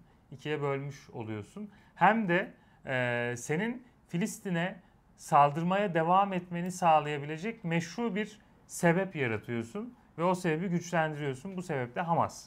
Bu arada arkadaşlar da belirtmiş. İkisi de yozlaşmış yönetimler Mahmut Abbas ve Fe- Fecaat diye. Tabii. Yani Mahmut Abbas şöyle söyleyeyim e, 2006'dan beri 2007'den beri seçim yapılmıyor. Hı hı. Mahmut Abbas sürekli seçim yapacağım deyip sürekli bunu Evet. erteliyor. En son 2021 yılında Doğu Kudüs'teki Filistinliler oy kullanamıyor bahanesi veya sebebini öne sürerek seçimleri belirlenemez bir tarihe doğru erteledi ve Mahmut Abbas yani senelerdir yönetimde. Evet.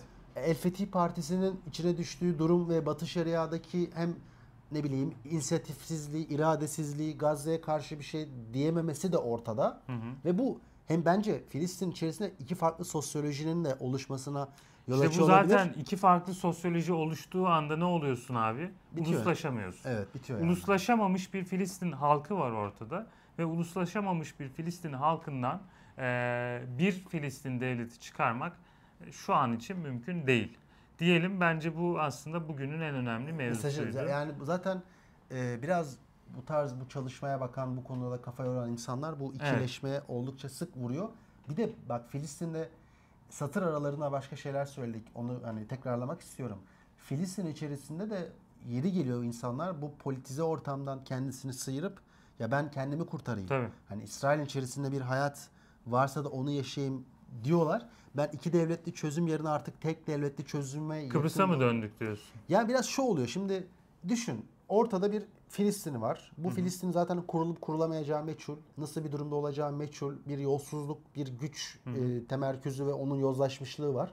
Karşı tarafta İsrail sana en kötü yani tamam apartheid rejimi falan zaten hani İsrail devletine karşı eleştirilerimiz baki ama sana bir kurtuluş en azından öngörülebilir e, sistemin içerisinde e, sık sık yani ara sıra da değil sık sık örselendiğin ama hani belli bir refah ve belli bir öngörülebilirlik sunuyor ve diyor ki işte abi yani sen bizim e, devletimizin bir parçası ol ve bundan sonra e, bu sorunları yaşama. Yani şunu diyorsun Filistinliler huzur ve özgürlük arasında bir seçim yapacaklar. Evet. Ee, özgürlük değil de huzur istiyorlarsa şey yapabilirler. Ama işte bu tartışma zaten özellikle yani Afro-Amerikan kültürünün temel sorularından da biridir ya bu.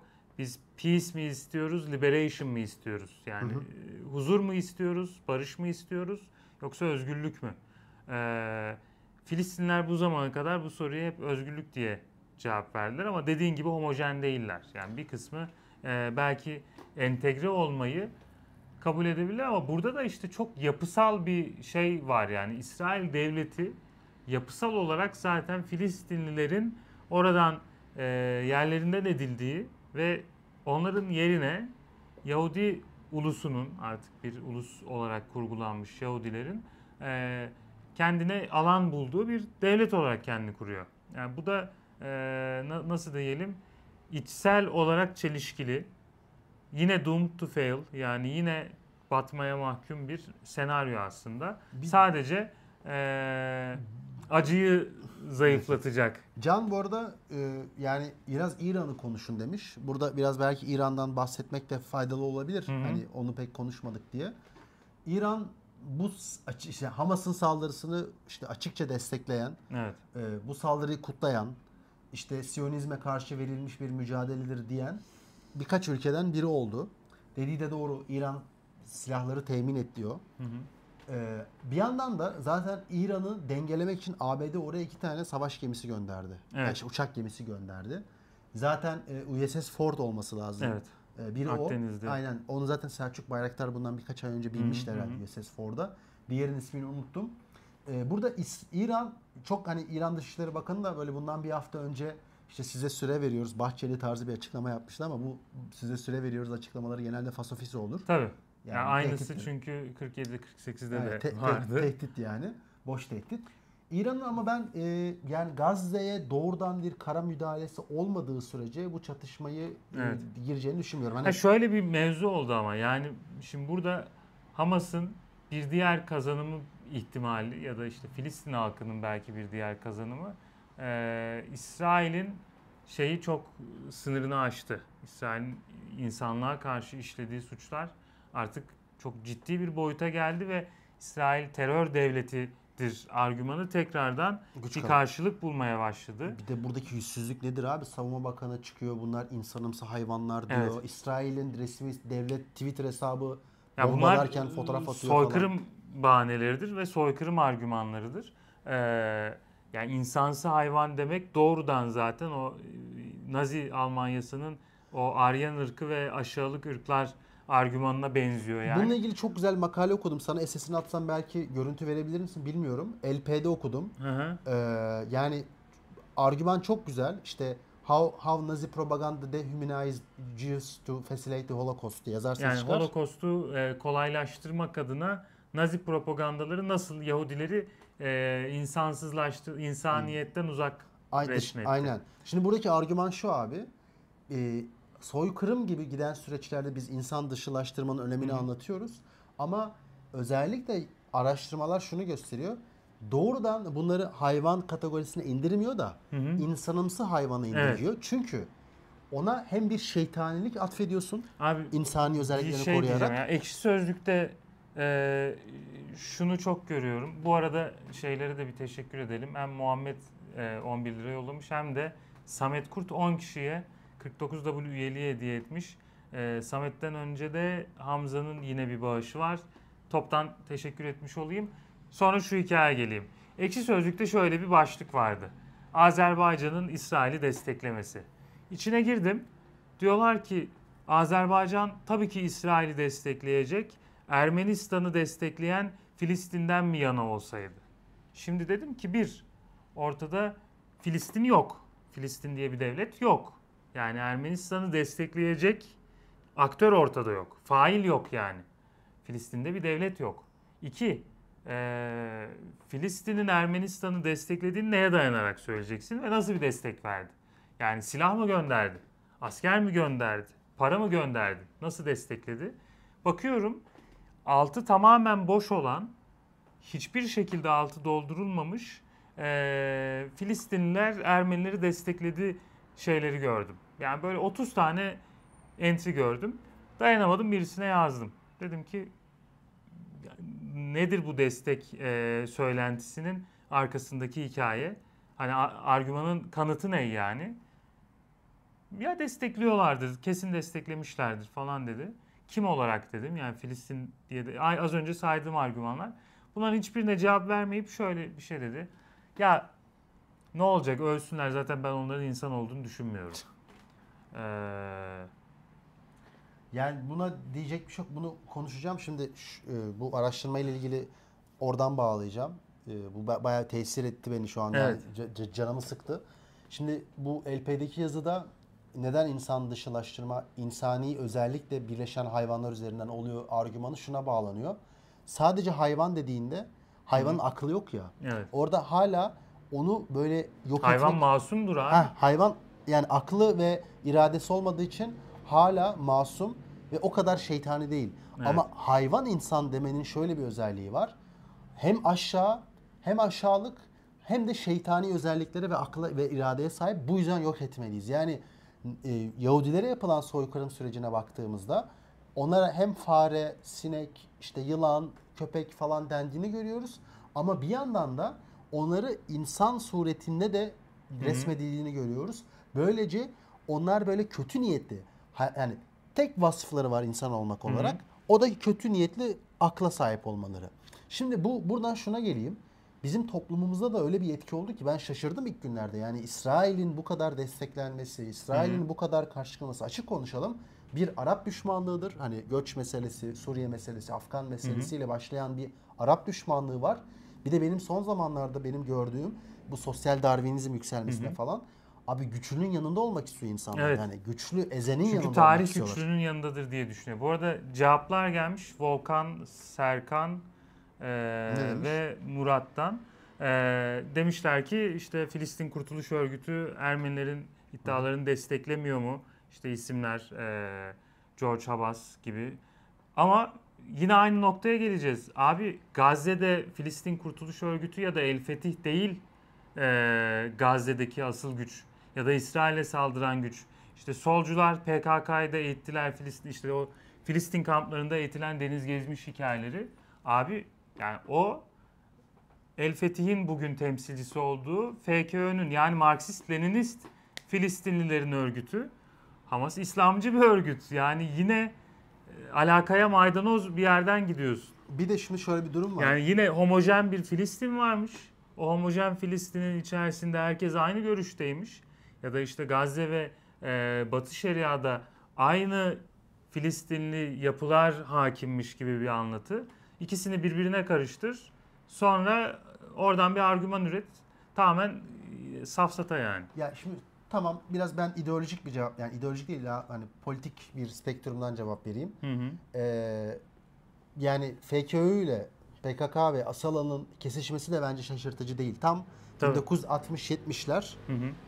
e, Marksist-Leninist ve devrimci şiddeti merkeze alan örgüt yapısı. Evet.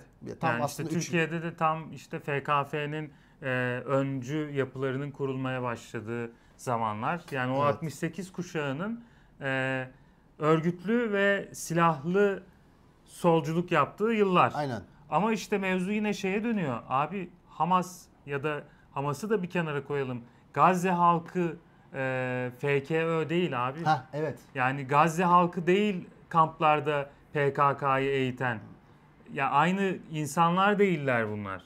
Yani tek bir Filistin yok ki, yekpare bir Filistin yok ki hepsini aynı torbaya koyalım. Bir de velev ki e, Gazze'yi FKÖ yönetiyor olsun. Yine bu insanlık Yani- dra- dramasını meşrulaştırmaz. e, FKÖ Gazze'yi yönetiyor. O zaman İsrail şeyi bombalayabilir. E, sivilleri bombalayabilir. Ya bu nasıl bir saçmalık ya? Yani bu benim aklım almıyor. Bu tam olarak işte hem medya coverage meselesi de bununla alakalı. Çünkü artık ana akım medya zaten Türkiye'de kalmadığı için sosyal medyada böyle bir e, kaynayan bir e, yeni damar var. Ve bu kaynayan yeni damar aslında çok daha hızlı fikir edinebiliyor. Çok daha hızlı yeni fikirleri benimseyebiliyor. Ve bir yandan da bu yeni fikirlerin içerisinde senin de bahsettiğin sosyal darwinizm hikayesi, işte göçmenlerden kaynaklanan bir e, Arap antipatisi var. Bu O Arapları da böyle özellikle Filistin Arapları da ezik işte ne bileyim yetkin olmayan, beceriksiz görmek ve o zaman tarihin tekerleği içerisinde akıllı olsalardı zaten kurmuşlardı o devletlerini. yorumda modu. geldi ya zaten. Hı hı. O yorumda geldi yani bunlar zaten bunu hak etmiyor. O zaman yok olup Hı hı. gitmeye de yani e, kabullenecekler. Buna da Evet. razı olacaklar gibi bir bakış. Burada o aslında bak bir, bir ideolojik bir şey var. O da devletçilik. Yani mesela Azerbaycan'da gördüğümüz devletçilik. Ya oysa özür dilerim bölüyorum. Şunu demek çok daha gerçekçi ya. Azerbaycan'ın 2020'den beri e, Ermenistan'la girdiği savaşta İsrail ciddi bir supplier yani e, Evet. tedarikçi, silah tedarikçisi, drone tedarikçisi tıpkı Türkiye'nin Bayraktar e, İHA ve SİHA'larını e, Azerbaycan'ın 2020'de kullanması gibi İsrail'in de dronlarını Azerbaycan kullandı. Dolayısıyla bir müttefiklik ilişkileri var. Ee, bu müttefiklik ilişkisinin getirdiği bir yakınlıktan dolayı desteklediler diyebilirsin. Bunu diyeceğine şey diyorsun ya işte Filistinliler Ermenileri de abi Filistin Ermenileri nasıl destekleyecek ya? Yok yani ortada bir Filistin yok Ya işte yani. orada ideolojik yani mesele orada. Ve işte- mevzuya şuradan da bakmıyorsun. Ya diyor ki işte mesela e, bundan birkaç sene önce e, Batı Şeria'daki Filistin otoritesi şey hatıra pulu bastırmıştı 2015'te Ermeni tehciriyle alakalı. E, bu Türkiye'de ciddi anlamda eleştirildi. Ama yine İsrail Neset'te de e, Ermeni soykırımı iddialarını kabul eden raporlar yazıldı mesela. İşte bu ideolojik şöyle ideolojik. Orada o Filistin meselesi özellikle uzun zaman solcu ideoloji tarafından sahiplenildiği ve Hı hı. onun başak aktörü FKÖ olduğu için FKÖ Evet. içerisinde de bu bahsettiğim anti işte emperyalist, ulusçu, işte halkların kendi kaderine tayin hakkını olduğunu inanan ve devrimci şiddeti merkeze alan ideolojik paket bir arada geldiği için bu paket doğası gereği bu devletçi paketle, bu işte daha milliyetçi paketle çatışıyor. Ya bu FKÖ bununla beraber işte Ermeni işte e, diasporadaki Ermeniler ve Ermeni tehciri soykırım olduğunu savunanlar, e, bununla beraber PKK, e, bununla beraber bölgede başka devrimci şiddeti kullanarak kendi siyasi ideolojisini kurmaya çalışan ideolojiler kesişiyor. Bunun zıttında da Türkiye, Azerbaycan, İsrail var. Ve bence Evet. seküler milliyetçiliğin zaten Türkiye, Azerbaycan ve İsrail hattında güçlenmesi şaşırtıcı. Burada biraz tezime değinmek istiyorum. Çünkü ben birkaç sene önce bu Filistin-İsrail meselesinin içerisinde seküler milliyetçilerin İsrailci olduğunu fark ettiğimde şaşırmıştım. Evet. Hatta birkaç kişiyle Twitter üzerinden DM'leştim yani. Böyle mi düşünüyorsunuz falan. Orada beni şaşırttı. Ama şimdi dönüp bakınca hem Türkçü de var. Hani bir Türkçü de var ama Arap çünkü orada bir Arap karşıtlığı var. Hani Arap-Türk ikilemi. Evet. İkincisi ama devleti merkeze alan, kutsiyet atfeden ve ana şiddet mekanizması, ana otorite mekanizması olarak devleti gören dolayısıyla bunun karşısında konumlanan herhangi bir halkı ve ideolojiyi de şeytanlaştıran bir e, ideolojik dünya görüşü olduğu için Evet. Burada işte Filistinliler, Ermeniler, Kürtler karşı bir pozisyonda. İşte burada diğer şeyler karşı bir pozisyonda. Aynen öyle. Ya hani şey argümanlarına hiç girmeyeceğim. Çünkü hani burada bir Filistin davası savunuculuğu yapmak için yapmıyoruz bu yayını ama hani işte Filistinli Araplar isyan etmedi mi meselesi. Abi yani Filistinli Araplar o zaman bir özne değillerdi. O zaman bir Şerif Hüseyin vardı ve onun ailesi vardı. O isyan etti yani ve onun yani İngilizler Filistin'i Filistin halkına vaat etmedi. Şerif Hüseyin ailesine vaat etti. Aynı zamanda kime vaat etti? Balfour Deklarasyonu'ndan da bildiğimiz üzere eee Siyonistlere de vaat ettiler. Yani orada bulduğunuz her argümanın Filistinli Arapları kötülemek için kullanacağınız her argümanın aynısını İsrail içinde kurabiliyorsunuz. Ki biz iki meselede de aynı şeyi söylüyoruz. Yani ne İsrail e, toplumu yekpare, homojen bir toplum ama ortada bir İsrail devleti var. Dolayısıyla bir aktör olarak sorumlu tutulabilecek bir İsrail var. Çünkü o bir devlet. E, ne de homojen sayılıp tek torbaya konulabilecek bir Filistin halkı var. E, mevzumuz bu kısaca. Mevzumuz bu. Bir de ben hani Volkan Sözer İsrailci diye pakete koymak senin hatan işte. Sol bunu hiçbir zaman anlamıyor ki demişsin. Yani e, başka tam olarak neyi anlatmaya çalıştığını ben anlayamadım. Şey senin seküler milliyetçiler İsrailci demene Ya bütün hepsi böyle olmak zorunda değil ama hani benim gözlemim Evet. bu, bu yönde olduğu. Neyse. Ya bunun e, da arka planında tıpkı Azerbaycan'daki gibi bir hikaye var bu arada. Yani e, Türkiye'nin işte şu son zamanlardaki e, teknoloji hamleleri genellikle savunma sanayisi üzerinden geliyor Yayın mesela. gitmedi arkadaşlar bu arada. Ee, Şey, aynı şey İsrail için de geçerli. İsrail'in de savunma sanayi temelli bir teknoloji atılımı Tabii. var. Uzun yıllardır devam eden bir hikaye.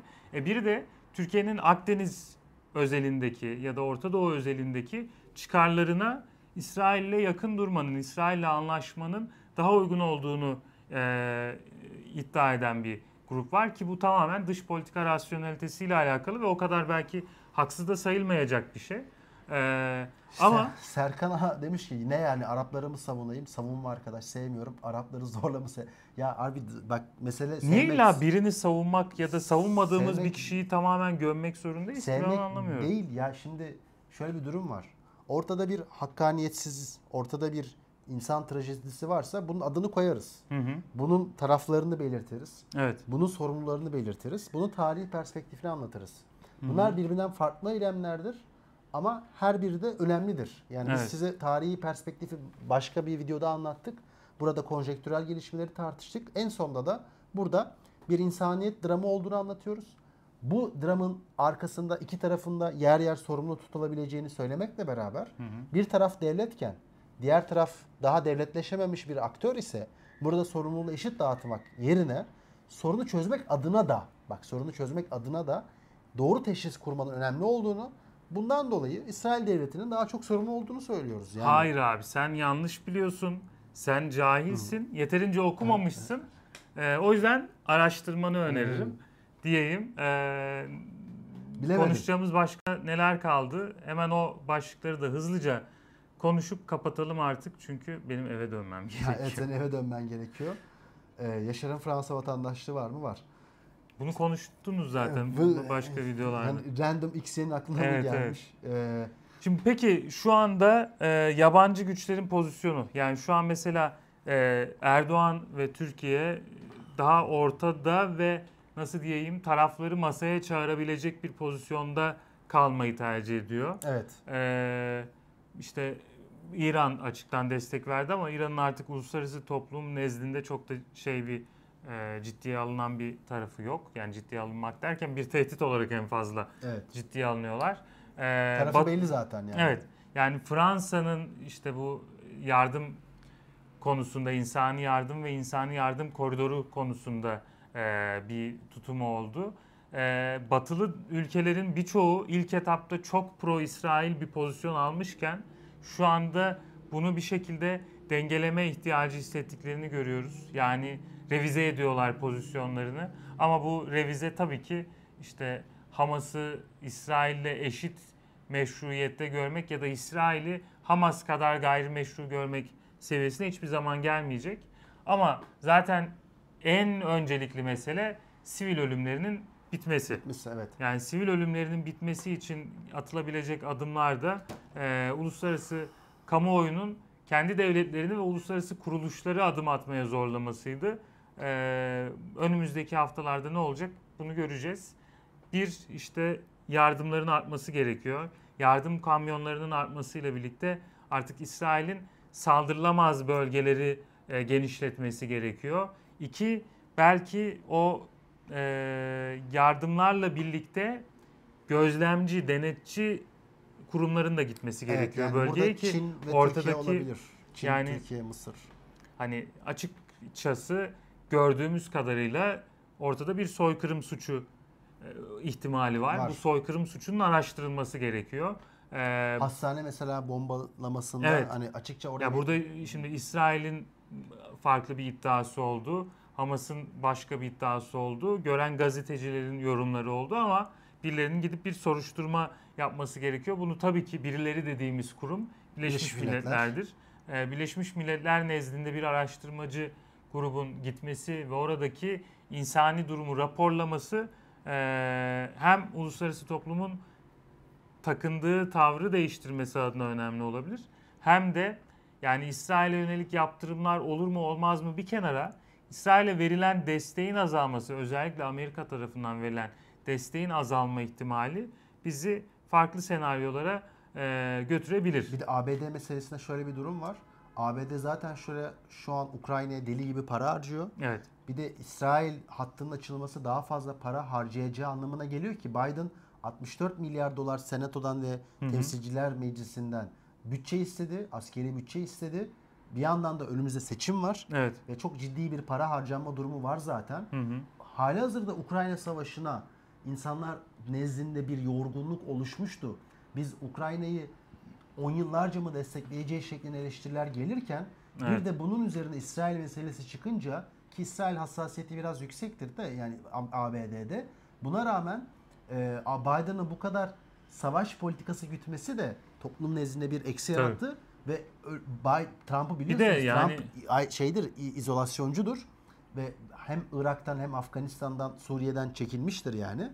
Yani Suriye'den daha tam çekilmedi de e, bu manada yani Suriye'nin bir kısmından çekildi. Tabii. Yani değil. 2019'da büyük Aynen. bir kısımdan çekildi, Çekildi. Kuzey Suriye'de. Ve Trump bunu bir ciddi bir siyasi söylem haline getirebilir yani bu Biden sürekli bizi savaşa sokuyor vesaire Evet. vesaire diye. Ya Bir yandan da şu var, e, Amerika'da borç, devletin borçlanması gittikçe içinden çıkılamaz bir duruma sokuyor bütçeyi.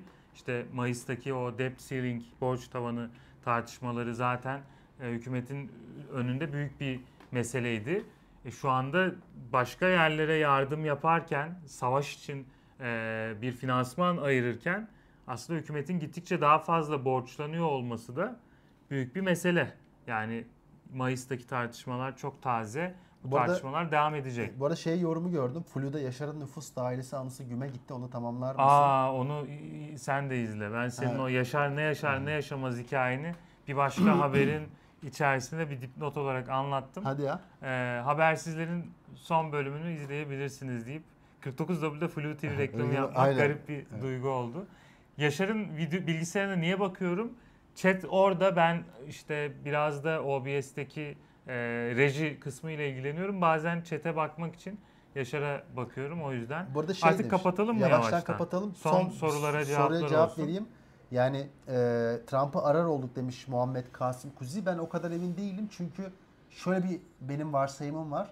Trump muhtemelen Ukrayna Savaşı'na bu kadar destek vermeyecekti. Ve bundan dolayı ABD halkı ve ekonomisi hala savaşı ciddi bir miktarda fonlayabilecek düzeyde olacaktı. Dolayısıyla İsrail'in bu şekilde yaşayacağı bir saldırı karşısında belki de çok daha güçlü bir İsrail desteği görecektik. Kaldı ki Trump'ın da görevde olduğu sürede Büyükelçiliği Tel Aviv'den Kudüs'e taşımak istediğini de unutmayalım. Dolayısıyla Trump bölgeyi daha çok hareketlendirebilirdi Muhammed Kasım. Yani Trump'ın izolasyonculuğu da sadece Ukrayna meselesiyle sınırlı kalabilir ve İs- İsrail konusuna geldiğinde çok daha çatışmacı bir pozisyon alabilirdi bence Tabii. ABD. O yüzden şu an mesela Biden'ı durduran demokratlar içi söylemler oldu. Demokratlar içi AOK ve Sanders'ın söylemleri oldu. O yüzden hani sarı kafayı e, illa e, olumlu anlamak zorunda değiliz. Tabii. Kafa demişken Hamza şeyi sormuş. Abi bu kimin kafası ben koymadım diye. O Safa'nın kafası. Bizim üyelere özel rozetlerimiz vardı. Ee, o rozetler tabii güncel değil ama Safa'yı da buradan anmış olalım. Uzun zamandır video çekmiyor ama hala ekipte. Ee, olur da bir gün canım video çekmek isterse Safa'yı yeni izleyicilerimiz de tanımış olurlar. Ee, Melik Dibek 22 lira yollamış. Ona da teşekkür ediyoruz. Buhara 150 lira gönderdi. Çok teşekkür ederiz. Buhara bugün coştu ya. Hani kral Peki hocalarım ne yapalım diye de sormuş. ne yapalım derken genel olarak mı? Yani biz Türkiye olarak Ha, ne yapalım ha. sorusu diye anladım onu. Ama Evet. öncesinde Türk vatandaşları olarak ne yapalım sorusuna benim bir cevabım var. Yani geçtiğimiz hafta içi İsrail konsolosluğu önünde İstanbul'da protestolara denk geldim. Ee, metroya giderken denk geldim ama Kendim gitmedim diyorsun yani. Onu bir belirtmek mi istedin? Yok ya girebilirdim ama işte biber gazı Hmm. hikayeleri vesaire bir de acelem vardı. Yani bir uğrayıp çıkmış oldum. Ama daha yoldayken bile durdurup abi 49W'ye video çekmeye mi gidiyorsun diyen seyircilerimiz oldu. Ee, hikaye şu. Ya İsrail orada sivilleri öldürmeyi e, düşünecek ve eyleme de dökecek kadar gözü karartmışken gidip konsolosluk önünde İsrail'i kınamanızın e, bir kıymeti harbiyesi bence yok dostlarım. Yani bence olması gereken şey şu. Kendi devletinizi, kendi hükümetinizi e, ya da yabancı hükümetleri ve uluslararası topluluğu İsrail'e karşı aksiyona davet etmektir. Bu arada bunun yollarından biri İsrail konsolosluğunun önüne gidip tepki göstermek de değil midir ya? Biri budur ama bence daha doğrudan o eylemi yapacak kişilerin kapısına gidip protesto etmektir. Ee, bundan birkaç sene önce Şanlıurfa'da bir grup AK Parti il başkanlığı önünde protesto yapmıştı. Mantıksız değil. Mantıksız değil çünkü talebin AK Parti'den yani hükümetten hükümetten şöyle bir talepte bulunuyorsun. Diyorsun ki İsrail ile ilişkileri düşür, ticari ilişkileri askıya al ya da ekonomik yaptırımlar yap. Ee, ya da en azından hiçbirini yapamıyorsan büyükelçiyi çağır hesap sor. Yani Fransa'da e, Türkiye'nin Akdeniz'deki Navtex e, şeylerinde bile büyükelçi senatoya çağrılır ve sorgudan geçirilirdi neden yapılıyor, hikaye nedir falan diye. Çünkü Fransa'nın da Akdeniz'de bir hikayesi var. Türkiye böyle bir pozisyonda en azından gitti bu arada. evet yani gitti. eee, şeydir. Yakov zaten ilk talep şey oluyor. ilişkileri düşür. Büyükelçiyi kov. Eee, Türkiye'nin bence gidici, yani yürüteceği yol şu gibi geliyor bana. Hı. Şimdiki özellikle ara bulucu ve çatışmaları yükseltmeme pozisyonu ben olumlu karşılıyorum. Aynı Çok- şekilde. çok yani ben az önce saydığım örnekleri gidin bunu yapın şeyiyle söylemiyorum. Eee, ben Türkiye'nin taraf olduğu senaryoda yapabileceklerinin eee ara bulucu olduğu senaryoda yapacaklarından daha az olduğunu, zayıf olduğunu düşünüyorum. Çünkü mesela siz İran gibi açık bir taraf aldığınızda bu sefer söylediklerinizin Tabii. kıymeti harbiyesi de düşüyor. Evet. Ama bence bu da yeterli değil. Yani Bahçeli'ye yönelik benim eleştirim şu olur. e, bir kere Türkiye'nin uluslararası bir koalisyonu iradeyi ve meşruiyeti arkasına almadan hadi ben Hı hı. tek başıma gidiyorum demesi fecaat ve çok yanlış ve öngörülemez bir karar. Dolayısıyla kesinlikle öyle Türkiye'nin tek başına hareket etmemesi gerektiğini düşünüyorum. Bununla beraber şunun yapılması gerektiğini düşünüyorum ama BM'yi ve BM barış gücü içerisinde uluslararası bir barış gücünün yaratılarak Tabii. Kuzey Gazze hattında en azından güvenli bölge oluşturacak ve sivillerin ölmesini, çatışmada hayatını kaybetmesini, susuzluktan, açlıktan orada hayatını kaybetmesini engelleyecek bir güvenli bölge oluşturulması gerektiğini de destekçisiyim. Türkiye ama bunu ka- kendi kafasına göre yapan bir ülke değil de Evet. diğer ülkeleri harekete geçirecek. Belki İspanya, belki Brezilya, belki Rusya ile ABD'nin arasında arabulucu yani zor ama arabuluculuk yaparak Hı hı. e, özellikle üçüncü ülkeleri çünkü burada Brezilya ve e, İspanya'nın daha farklı pozisyonlarda olduğunu biliyoruz. Hı hı. Onları ikna ederek BM içerisinde bir barış gücü yaratmasının önemli olduğunu düşünüyorum. Evet yani bu ihtimal, bu senaryo aslında e, zor bir senaryo ama olabilecek senaryolar içerisinde en çözümü e, kuvvetli olacak senaryo E, diyelim. Bu arada like sayısı 124. Arkadaşlar yayını kapatmadan bunu 200 yapalım. Ne demek Yani- bu? 200 olmadan yayını kapatmıyor muyuz? Yok demek? yani 200. Ben giderim abi. Yok biz gideriz de hani şu like sayısını bir 200 Şey, yapalım. yayını açık bırakıyoruz. Siz 200 yapın. Hayır, Siz 200 yapana kadar e, söylemeyi unuttuk. Şimdi arkadaşlar e, uzun da bir yayın oldu. Ben bir Yani- ya- duyurulara geçelim Sen diyorum. duyuruları geç ben teşekkür faslına geçeyim. Tamam. Yani e, e, güzel yayın olmuştur umarım. Çok yoğun bir talep de oldu. 346 kişi yani son Hı hı. en yüksek kaçı gördük bilmiyorum ama çok ciddi bağış da yaptınız. Çok teşekkür ediyoruz desteğiniz, izlediğiniz için. Elimizden geldiği kadar İsrail-Filistin meselesini bütün hatlarıyla ve mümkün mertebe bütün eleştiriselliğiyle değerlendirmeye çalıştık. Umarım keyif almışsınızdır, umarım beğenmişsinizdir. Bu arada hani bazı arkadaşlara cevap verirken üslubum şey olduysa onlara da şimdi sürçülisan ettiysek affola diyeyim. Ee, yani polemiğe girmek niyetiyle bir şey yapmadım cevap verirken.